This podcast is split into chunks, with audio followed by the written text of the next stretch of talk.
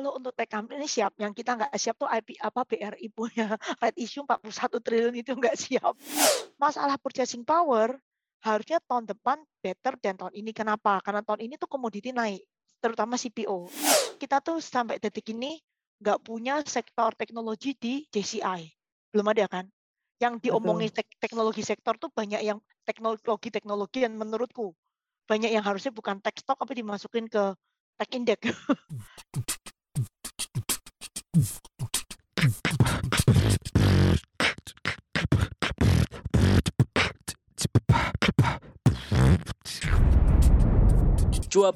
cuan.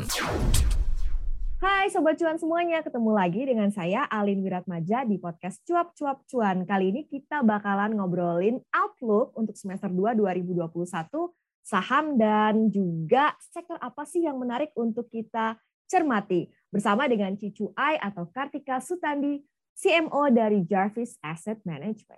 Halo Cicu Ai, biasanya dipanggil Cicu Ai nih, anak-anak market Ya. semuanya manggilnya. Halo. Apa kabar Ci? Oke sih di kantor.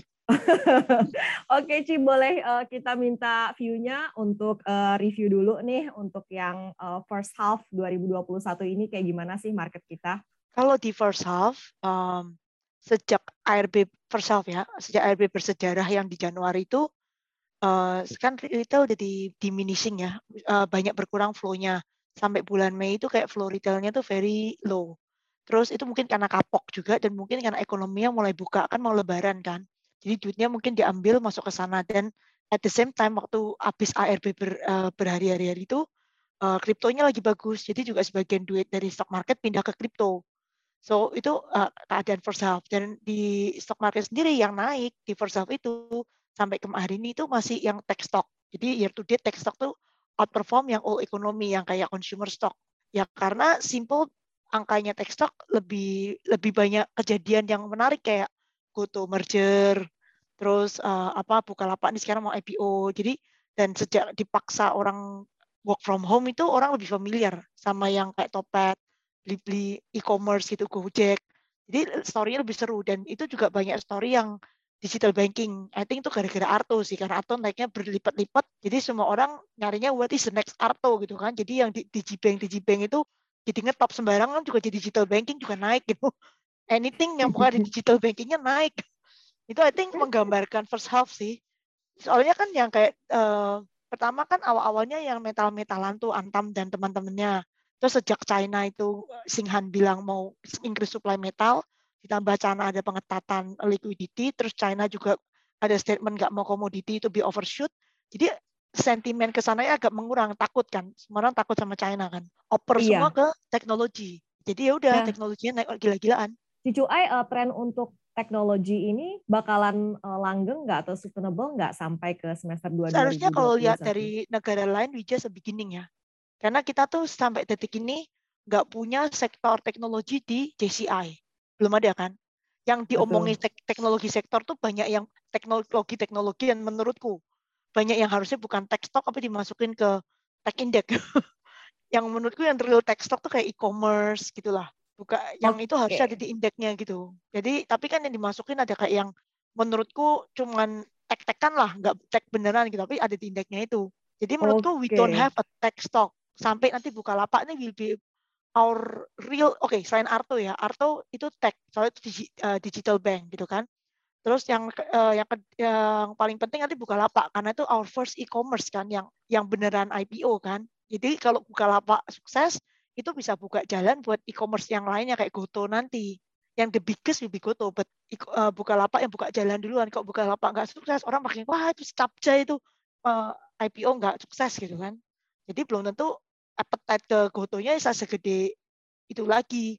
Jadi Bukalapak nih have to be successful karena dia pertama. Pave the way ya untuk Ya Bukalapak pave the ini way, ya. benar. Kalau da- dilihat dari uh, valuasinya sendiri seperti apa? Seperti apa kan mereka berambisi nih mau menjadi uh, tech company pertama yang EBITDA-nya positif kayak gitu. Actually valuasinya oke. Nggak nggak tuh demanding kok, nggak segila yang aku pikir. Kan aku pikir bisa 5 billionan kan. Ternyata cuma 4,7 bra- something kok uh, on the maksimumnya. Jadi I think it's fine. Masih reasonable lah valuasi untuk tech gitu. Dan dia kan raise money terakhir kan 3, jadi jadi 3 ke 4 something tuh nggak naik nggak gila-gilaan lah. Ya nggak kan? Oke. Okay. Dari dari last valuation yang dia raise money loh. Mm -hmm. Jadi oke okay, masih, masih decent, ya masih decent. Terus uh, apa story-nya juga bagus, banyak uh, warung-warung kan. Dia story-nya sebenarnya bukan buka lapak e-commerce-nya, lebih ke arah warung-warungnya ini yang kaki tangannya ini. Ini kayak ibaratnya udah kayak Alfamart tapi kalau Alfamart itu kan masih levelnya toko. Kalau ini levelnya lebih bawah lagi. Jadi asing-asing tuh suka banget. Asing-asing itu pokoknya suka yang kayak merakyat gitu loh, yang micro financing itu suka banget. Jadi ini uh, demand dari asingnya tuh is much better than what we expect actually. Aku nggak expect asingnya seminat ini. Aku pikir semua asing bakal tunggu Goto kan. Tapi ternyata story yang warung itu tuh hot banget. Karena kalau Eropa gitu ya, suka kayak mereka kan cinta banget tuh sama BTPS. Pokoknya story yang merakyat gitu mereka suka. BRI itu mereka suka mereka suka banget tuh yang yang sampai microfinancing ke desa-desa. Lah Bukalapak tuh kayak e-commerce-nya yang microfinancing gitu yang ke desa-desa. Jadi hot banget. Kita juga nggak oh, nyangka. Aku hmm. pikir nggak nggak kan aku pikir semua orang ah nunggu goto gitu. Ternyata enggak.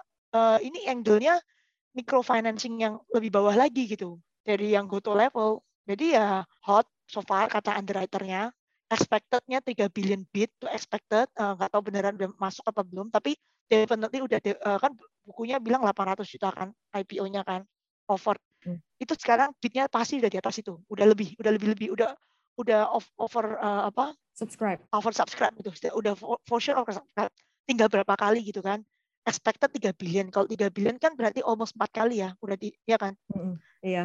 Kalau 800 juta kan almost 4 kali. Mm. Oke, berarti justru yang menjual story bahwa dia punya mitra Bukalapak yang sampai hmm. di perkampungan kayak gitu ya, Ci ya? Ya, angkanya we have 6.5 million of warung. Uh, almost 3 million is an active user. Angka 3 million warung kan langsung naik kencing gitu kan, langsung orang semangat gitu. Oke, nah uh, kemudian um, menurut uh, Cicuai ini apa efeknya kalau misalnya dana-dana dari investor ini kesedotnya ke emiten-emiten uh, yang real tech company kayak Bukalapak, kemudian nanti GoTo, apa nasib ya, itu dari Outstock akan seperti apa? Ya, Outstock gini ya, fund manager itu cuma punya duit 100. Dulu peraturan kan maksimum kalau public fund 10%, 10%, 10%, 10% ya kan. Jadi tuh paling kita sisa in cash kalau yang traditional uh, fund tuh biasanya cash-nya tuh kalau 20% udah mentok karena 80% masih invested kan. Cuma boleh punya 20%, uh, kalau equity fund kan 80% masih invested, cuma maksimum lu punya cash kan 20. Jadi lu udah bagi nih 80% lu barangnya apa, mungkin sampai 90% sisain cash 10. Tahu ada satu nih datang jedet gitu kan. Dan lu kan mau karena ini hot, lu mau kasih percentage yang gede kan. Ya lu mesti cut kiri kanan kiri kanan semua lah kasih duitnya ke sini kan AUM lu kan nggak nambah. Soalnya total AUM kita tuh sekarang di industri nggak nambah selama ini. Karena ya BPJS nggak boleh ngesap, uh, apa jiwas masalah belum selesai, asabri disebut-sebut gitu kan. Jadi AUM-nya tuh nggak, terus yang individual yang biasa beli-beli AUM itu sekarang suka trading sendiri kan nganggur di rumah pada buka akun saham trading sendiri daripada beli reksadana kan lebih ada adrenalin rush. Jadi iya, ya total AUM-nya tuh nggak nggak berubah. Terus ada satu yang gede banget masuk cari duit. Ya terpaksa yang lain kena cut dong. Yang kena cut siapa? Ya all ekonomi. Soalnya all ekonomi sudah bertengger di situ lama banget kan. Kalau ada satu yang masuk ini kena cut semua. Makanya nggak bisa ya susah naik gitu. Soalnya semua fund sama mikirnya oh shit ini ada barang baru. Jadi gue mesti cari duit cari duit tinggal either orang ngesap gua atau yang ada sekarang gua gorok kan udah yang kebanyakan kejadian digorok itu iya. jadi semua orang buka lapak semakin dekat semakin banyak gorokan soalnya lu harus siapin cash untuk subscribe Oke, ini ya uh, kira-kira pergerakan majority money akan berada hmm. di mana seperti nah, itu. Nah, nanti kalau GoTo IPO lebih serem lagi, lebih gede lagi kan size-nya. Iya. Lu mesti... Market kita gimana sih, Ci? Siap nggak sih, Ci, kalau uh, kehadiran tech-tech company seperti ini? Kalau untuk tech company siap. Yang kita nggak siap tuh IP apa BRI punya red issue 41 triliun itu nggak siap. Karena gini, IPO-nya Goto tuh yang untuk Indonesia mungkin cuma 2 billion. Yang raise di Indo kan sisanya kan di New York. Ya kan mungkin raise-nya cuma 2 billion. 2 billion tuh sekitar berapa? 30 T kan. Tapi mm -hmm. kan barang baru. Fund lu kan nol posisinya. Jadi lu bisa gaspol ke sana gitu loh. Bisa ngesap. Lah BRI ratio 41 triliun lah gue tuh gedean dia ya. Oh, Teris money-nya hmm. ya nggak maupun government betul, ambil sebagian waktu BRI kan maksudnya government itu kan ya government ngesap sebagian. Tapi tetap kan fund itu bingung kan. Aduh gede banget. Gue terus harganya kan di bawah. Jadi gue punya barang kan gue mending jual induknya ngambil bawahnya. Soalnya gue di fundnya udah 9% dan gue nggak bisa nambah BRI lagi. Kalau gue ngesap itu berarti BRI gue kan lebih dari thresholdnya yang di set government 10% itu jadi ya buat gue masih jual jual BRI, gue ambil rate-nya. Kalau fund mikirnya pasti gitu. Hmm. Soalnya biasa kan fundnya di bawah uh, rate issue bisa agak diskon ya harganya ya. Hmm, Oke. Okay. Wah ngobrol sebentar sama Cicu Ai dapet banget ya pemetaannya gimana sih big money itu uh, nah, berpikirnya makanya masuk ke saham gue bilang BR, apa? BR itu ini kan rate issue bukan gue mau mencela tapi menurutku lu rate issue gede badak ngambil pergadaian PNM ya kan oke lah PNM memang harus ambil soalnya PNM itu kecil gitu loh jadi ya mesti dimakan yang gede dulu baru bisa survive tapi Pegadaian itu as a company is big enough and is attractive enough to go IPO sendiri. Gak usah masuk BRI menurutku. Jadi di fund lo ada satu nama lagi yang bisa lo kasih yang nol posisinya kan. Lo bisa kasih duit ke sana kan. Lo bisa ngesap. Tapi lo kalau masuk ke BRI, berarti lo nama BRI-nya itu udah ada. Ya kan, lo gimana ngasih duit lagi untuk ke sini, sudah mentok di alokasi di fund. Jadi kalau menurutku mendingan si Pegadaian itu IPO sendiri. Jadi kita kita bisa kasih oh ada alokasi oke okay, 9% lagi ke sana kan masih nol. Oke. Kemudian ini juga banyak setiap kali kita bahas soal market selalu ada yang nanya soal saham-saham blue chips yang consumer. Kayak gimana sih nah, dari uh, consumer itu paling madesu tahun ini karena purchasing power tuh nggak ada. Kalau saham rokok karena tahun ini dihadiahin sama Sri Mulyani pajak tinggi banget kan. Tahun lalu udah 23 persen, tahun ini 17 persen. Langsung tewas gitu. Terus nggak bisa naikin harga. Soalnya purchasing power nggak ada. Kan masih corona ya. Jadi lu gimana naikin harga untuk pass on kenaikan cukai? nggak bisa jadi margin lo pasti kena dan tahun ini karena purchasing power nggak ada lo kena margin kena volume kan kena dua kali jadi profit lo pasti turun nah tahun depan kan dengar-dengar Sri Mulyani kenaikan pajak rokoknya nggak sejahat tahun ini itu dengar-dengar ya kan malah ada koran bilang 0% gue jujur nggak yakin nol gue yakin pasti naik tapi semoga nggak 17 persen gitu loh mungkin naiknya nggak nggak nggak setinggi tahun ini udah kamsia banget nah dengar-dengar tahun depan udah nggak setinggi tahun ini jadi kalau tahun depan nggak setinggi tahun ini lu bisa bernafas lah, bisa naikin harga, nyicil untuk tahun depan. Jadi margin lu bisa membaik. Masalah purchasing power, harusnya tahun depan better dan tahun ini. Kenapa? Karena tahun ini tuh komoditi naik, terutama CPO. Indonesia kan negara agriculture lah, masih 40% di agriculture kan. Kita masih negara komoditi. CPO naik, coal naik, eh, metal-metalan semua naik. Tapi paling penting itu CPO. Karena kalau coal yang naik, yang kaya tuh perusahaan coal-nya. Ya kan? Tapi kalau CPO yang kayak itu petani, karena plasma itu 50 persen, eh, perusahaan itu 50 persen. Jadi plasma harganya juga angkat, itu ada duit. Nah kalau lu ada duit, berarti purchasing power tahun depan, bukan tahun ini. Saya kan tahun lalu terpuruk, lu mesti bayar utang dulu biasanya kan. Beresin utang-utang lu, baru tahun depan lu bisa beli barang. Cuma as long as CPO price-nya nggak jatuh below 3.000, uh, itu petani is better off than last year. Mendingan gitu. hmm. gitu. Jadi selama ada kata-kata mendingan, berarti lu purchasing power tuh naik gitu kan. Dan tinggal harga barangnya ini gimana? ya kalau harga barangnya kenaikannya nggak banyak, lu bisa beli kan, lu bisa bisa bisa bayar kan. Tapi kalau kenaikannya ini kecepatan daripada purchasing powernya, ya lu pasti nggak bisa, pasti volume lu kena. Cuma margin lu aman. Jadi tahun depan mungkin is a better story dengan catatan satu kalau untuk rokok itu excise. Kalau untuk yang lain kayak Unilever gitu-gitu, itu ya purchasing power. Cuman kalau Unilever kan namanya staple ya. Lu emang kalau lu punya duit lebih, lu bakal nyampur rambut lu dua kali lebih banyak. Enggak juga kan if you have more money, you're not gonna wash your hair lebih banyak gitu, perontok yang ada kan. Tapi yeah. mungkin lo lo beli vitamin rambut, lo beli hmm. conditioner, lo pasang masker di muka gitu kan. Ya itu mungkin ada ada upside untuk yang lebih premium yang tadinya kalau lo nggak ada duit lo nggak beli discretionary fund uh, fundnya. Lah Indonesia itu biasanya yang discretionary itu sepeda motor, uh, HP ganti ganti karena kan HP lebih penting daripada apa pun. Jadi kalau lo ada duit lebih, biasanya lo upgrade HP ya kan. Lo lihat iya. lebaran iya. itu ya, lebaran lo kan dapat satu bulan ekstra tuh dulu zaman dulu tuh beli biskuit, beli apa sirup-sirupan, beli roti, beli pokoknya yang kayak gitu lah yang bisa terima tamu di rumah. Tapi gradually sejak lima tahun yang lalu orang udah nggak beli kayak gitu. Ada duit ekstra belinya HP, belinya laptop, belinya yang lebih discretionary spending yang yang lebih ja, sama ini. Ya kalau lu ya sekarang ini discretionary spending orang itu ya itu elektrik elektronik produk kebanyakan HP sih. Nomor satu pasti HP kalau ada duit ekstra pasti upgrade HP habis itu upgrade baru yang belakang bawahnya mungkin ada laptop lah sepeda motor lah tapi nomor satu pasti HP jadi menurutku kalau kita purchasing power Unilever itu mungkin naik tapi tidak naik banyak because you not gonna wash your hand double gitu kan you not gonna beli sabun lo lebih banyak lagi ya mandi dulu ya sehari tiga dua kali udah nggak lebih gitu kan nah yang beri, yang bisa naik ya kalau itu ya retailer kayak era karena itu HP lu mungkin hmm. upgrade ya kan? Lu mungkin beli ini, terus lu mungkin beli apalah, kamera lah, apalah, sekarang semua orang jadi podcast gini, kita aja nge berarti gue mesti beli kamera gitu kan. Nah, Iya. ya things like that itu yang bakal naik dengan purchasing power naik. And rokok, karena rokok itu benar-benar purchasing power. Waktu lu nggak ada duit, lu rokoknya murah. Pokoknya asal ada nikotin masuk. Waktu lu ada duit, lu balik ke merek yang lu suka, mungkin yang lebih mahal. Mungkin emal, mungkin gudang garam gitu. Oke. Ini uh, di sektor rokok juga ada uh, M&A yang menarik ya, Ci. Seperti apa pandangannya? Itu kan digosipin M&A-nya ada di gudang garam. Itu sebenarnya Iya. uh, udah lama, udah five years ago juga udah keluar. Itu on and off, on and off gitu kan. Dan gosip yang sekarang kan keluarnya kan kali ini this might be it gitu kan. Mungkin Iya. tahun ini kejadian. Tahun ini kan semua M&A kejadian tuh. Telco yang udah on and off mana Indosat Hutchinson ternyata kejadian. Jadi tahun ini kayaknya tahun M&A lah. Ya biasa kalau masa suram kan banyak M&A, soalnya banyak orang kepepet. Kalau masa-masa bahagia tuh orang nggak kepepet nggak jual barang.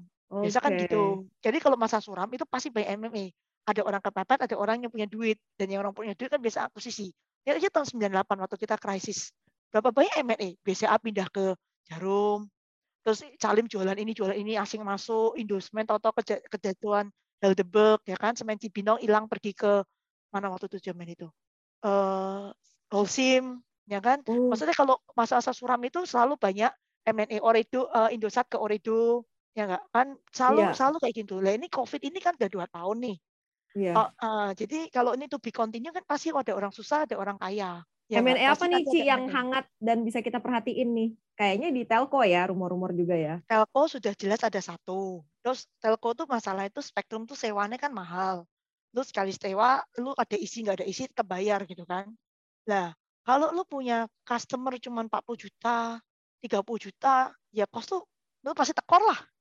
Mm-mm. Nggak dapat ya apa eh, utilization rate yang cukup gitu kan. Lu nggak hit the minimal utilization rate gitu. Tapi ya terus sekarang si Indosat sama Hutchinson udah gabung. Mereka gabung jadi 100 juta customer. Yang dua terakhir ini tersisa kalau nggak gabung, gila gue cuma 60, satunya cuma 30 lebih. Ya gue pasti kalah lah kalau kalah costing. Data itu sekarang komoditi. I don't care I'm using apa, gue bisa pakai apa pun. Yang penting lancar, murah, jangan sampai berhenti gitu kan. Ya mungkin kita nggak terlalu pri- price sensitive ya. Tapi most people kan cari murah juga untuk data. Karena sekarang kan work from home, school from home, Netflix, terus nggak bisa keluar rumah, jadi usage of data lu tuh banyak banget. Jadi suddenly tuh data tuh lebih penting lagi daripada ngerokok mungkin sekarang. Pokoknya kalau nggak ada internet langsung kayak, kayak cacing kepanasan. Aduh, nggak ada, nggak ada connection, nggak bisa WhatsApp, nggak bisa segala, nggak bisa Netflix, nggak bisa YouTube. Nah, jadi data tuh sudah kayak komoditi. Jadi yang penting murah dan cepat gitu kan. Nah, kalau lu Oke. cuman punya 30 juta sama 60 juta yang tetangga lu Telkom 150 juta. Terus Indosat sama Hats merger 100 juta. Ya lu pasti secara costing kalah lah. Jadi kalau Indosat merger ini mulus, gua yakin 100% friend harus merger sama Excel. Kalau enggak enggak, kalau itu Wow. itu enggak enggak logik kalau enggak. Lu enggak mungkin survive di bisnisnya. Bukan karena lu cinta mau merger, tapi lu paksa merger, kawin paksa. Menarik, menarik banget. Kemudian ini juga rame IPO juga ya, Ci. Mungkin juga Yang butuh mana? menggalang dana ya. Maksudnya yang Nah, belakangan lu kan ya, ada ini semua galang dana nih. iya, BRI right issue, ini BNI ngomong mau right issue, semua mau right issue. Terus Same right issue, nggak pun delay nggak jadi ya itu. Tapi semua orang lagi ca- cash raise kan. Ya itu masa-masa pandem, masa-masa susah tuh pasti either lu cash raise atau M&A atau apa gitu kan pasti ada corporate action lah. Mm-mm. Oke, kita bahas yang deket-deket aja, Ci. IPO Hmm. yang what can we look forward gitu. Selain tadi eh, Bukalapak, udah kita bahas eh, Goto kan Goto tahun ini juga, itu yang paling iya. gede ntar. Mm-mm. Yang yang kecil-kecil Bunda, tapi Bunda tuh more like strategic IPO. Jadi itu sebenarnya it's not real IPO, is a, is a conversion of tiap eh, apa convertible bondnya masuk pindah ke equity. Itu karena Northstar masuk kan. Jadi Northstar tuh Mm-mm. masuknya convertible bond, sekarang mesti di-convert jadi equity aja. Jadi is a strategic IPO. Cuman ya nggak nggak beneran cari duit dari market itu si Bunda. Itu lebih kayak corporate action gitu. North Star Makanya ini mereka- kan mereka biasanya nggak- dipercaya Midas touch gitu kan, Ci? Iya, makanya orang eh, apa yang Bunda ini beneran kayak ya? Ya cuman harus itu corporate action yang kayak strategik, makanya nggak nggak event roadshow, nggak even nawar-nawarin ke fund, nggak even nggak even nawarin ke siapa-siapa. Karena ini memang cuma strategik doang. Cuman corporate Tapi action biasa. tertarik nggak sih, Ci, untuk sektor-sektor kesehatan di masa Oh, pandemi? aku suka banget. Jadi in addition to tech, sekarang kesehatan yang kita suka ya. Mungkin Hmm. agak slightly different dari Desember. Desember itu kesehatannya tuh kita waktu itu gimana ya? Waktu itu kan eh, orang masih takut ke hospital. Ingat nggak? Iya. Cost-nya itu membuat hospital punya profit turun karena orang nggak mau ke sana. Tapi kan lu nggak bisa nggak ternya fourth quarter tahun lalu sama first quarternya ini tuh orang udah berani ke hospital, apalagi sejak ada vaksin. Sejak ada vaksin tuh orang berani ke hospital. Yang udah ketunda-tunda yang nggak ke hospital setahun, you, you cannot not go gitu loh. Walaupun lu pakai segala jenis pelindungan, tapi you go to hospital. Ya kan? Jadi uh, angkanya bagus terus COVID-nya gila. Hospital tadi nggak mau terima COVID, jadi sekarang terima COVID semua. Soalnya yang yang datang ke COVID itu cuma COVID doang. jadi angkanya itu bisa kayak revenue dari COVID itu kayak 40 persen. Hmm. Revenue hospital from a COVID related itu 40 persen. Jadi tadinya COVID itu negatif for hospital, sekarang COVID itu positif for hospital. Mm-mm. Jadi itu malah uh, membantu earnings-nya ya, Ci? Iya, terus uh, kayak laboratorium kan dulu juga mungkin kemahalan ya, tes PCR 1, 1, terus kesadaran company untuk nge-PCR dan nge-antigen anak-anak kan nggak kayak sekarang. Kalau sekarang tuh any any event aja lu mesti antigen before, antigen before. Lebih, udah lebih nggak sayang duit antigen dan antigen sudah murah kan. Jadi kayak dulu 500 ribu, terus sekarang dia tinggal 200, ada yang 170, is getting cheaper. PCR aja sekarang ada yang 600 ribu.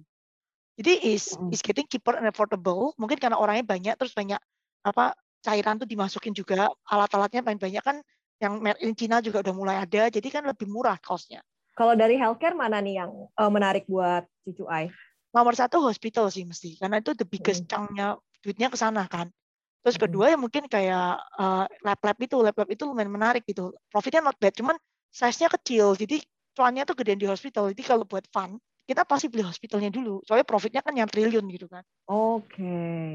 Kemudian kita juga pengen tahu nih kan belakangan ini uh, seru banget ya Ci kalau kita perhatiin grup-grup konglomerat di Indonesia gitu ya. Uh, sepak terjangnya ini nggak tahu memang gimana misalnya nih ada sebuah emiten dikait-kaitin sama grup Salim, wah melejit. Pokoknya nah, itu Salim kan arahnya tahu ke RMS kan, nggak nggak cuma Salim doang sih. sih. Actually Salim itu udah lama tidur, tau-tau kan sekarang kan jadi galak gitu pertama kali. Gitu, Ci. Ya pertama kali kan MTEK dulu, MTEK kan total ada crossingan Salim. Mm-hmm. Jadi kan lumayan, oh ada Salim di dalam. Gimana pun Salim tuh old konglomerat yang duitnya masih banyak gitulah. Dan terus JCI itu kan tadinya company kecil data center, era Indonesia punya nggak tahu what the hell is data center. Ternyata kan itu sebenarnya punya Salim kan. Nah, kalau DCI terus terang itu uh, lumayan digoreng sih kalau menurutku ya. Uh, soalnya valuasinya udah nggak masuk akal. Jadi harga saham yang valuasinya tuh nggak masuk akal. Company kayak gitu, it doesn't worth that much. Harusnya EV EBITDA-nya cuma kayak belasan lah. Itu kan beyond that udah udah gila-gilaan itu. Itu itu nggak masuk akal. Jadi menurutku harganya semi gorengan lah. Ada yang uh, soalnya kan free float-nya juga kecil. Jadi is easier tuh manipulasi harga menurutku ya. Oke, kalau kayak Bank Ina gitu, Ci. Nah, kalau itu mau jadi digital bank, jadi itu memang mau jadi digital bank itu melihat Alfamart sama bank kan, BANK kan. Jadi ya itu Indomart basically. Kalau Ina itu ada story, lebih ada story. Okay. Dan price to book-nya kalau dibandingin Arto masih jauh. Jadi kan kita udah ada set apa oh semua dibanding Arto lu berapa persennya Arto gitu aja kan. Iya orang-orang pada nyari the next Arto sebenarnya ya. Ya karena itu fenomenal. Jadi dikata-katain jadi sekarang dicintai gitu kan. Betul. Kemudian uh, kita juga ngelihat nih uh, grupnya Sariat Maja gitu ya, Ci. Oh, SCMA, ya sebenarnya sebenarnya SAME. Sebenarnya investment di teknologi itu udah rame sejak 2010. Kalau lu lihat buka lapak Goto kan sudah 10 tahun sebenarnya. Terus tapi hotnya kan 2015-16 sejak topetnya Quar Apps gitu kan. Jadi orang benar-benar pakai. Nah, grup MTech tuh banyak invest di tech. Grup Lipo juga. Tapi nggak ada yang ngeh. Soalnya investment di private sector kan nggak pernah dibuka gitu loh. Kecuali hmm. yang invest public company ya kan. Kalau yang invest perorangan itu kan nggak pernah dibuka.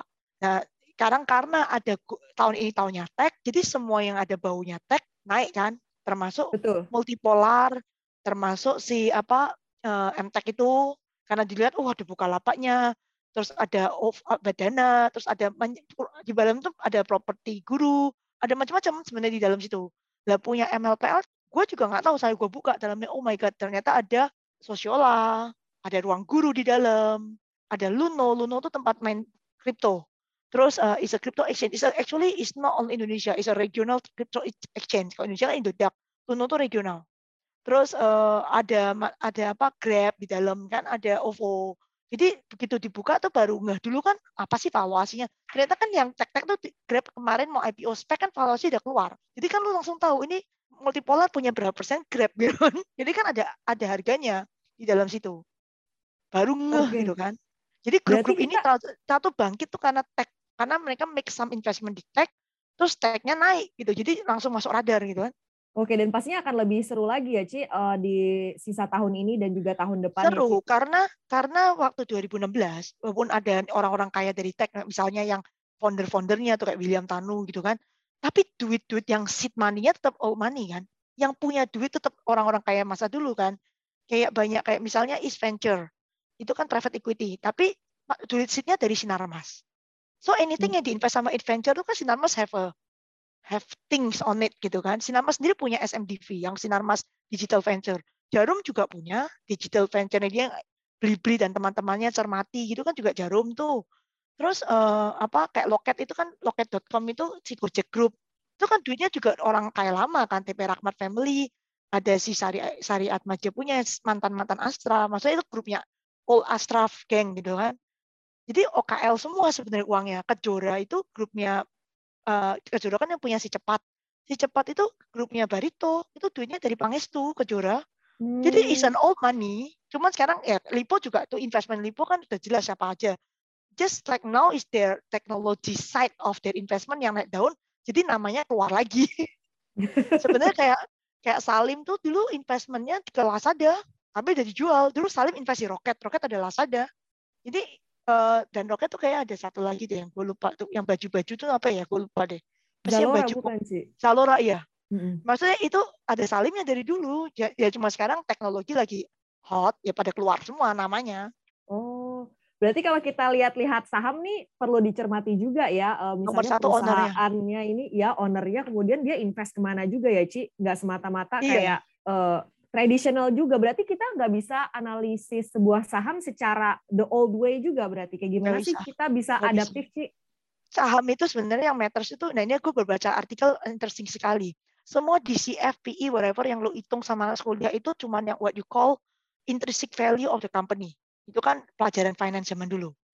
Tapi yang nentuin harga saham itu kan nggak cuma intrinsic value of the company. There's, there's many thing yang nentuin harga saham. Flow, sentiment, ya kan itu banyak banget yang nentuin harga sahamnya nggak cuma itu jadi yang menurutku uh, lu mesti open up your mind ya lu nggak cuma bisa itu doang yang nentuin uh, harga saham ya nggak sih Oke, betul juga, Ci. Soalnya kita kan banyak orang yang sekarang mempertanyakan cara mereka uh, memvaluasi sebuah saham seperti itu. Karena sebenarnya ini bukan anomali ya. Mungkin kita perlu adaptif aja berarti ya, Ci ya. Iya, ada ada nih intrinsic value itu determined by cash flow, growth, and risk. Itu kan that's why you have all those uh, discounted cash flow and and all those uh, apa hitungan yang kita belajar waktu sekolah gitu kan.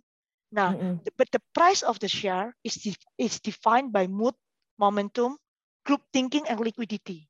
Jadi uh, lu price and intrinsic value kalau bisa ketemu ya bagus. Terus masuk cek gitu kan valuasi lu sama harga lu matching.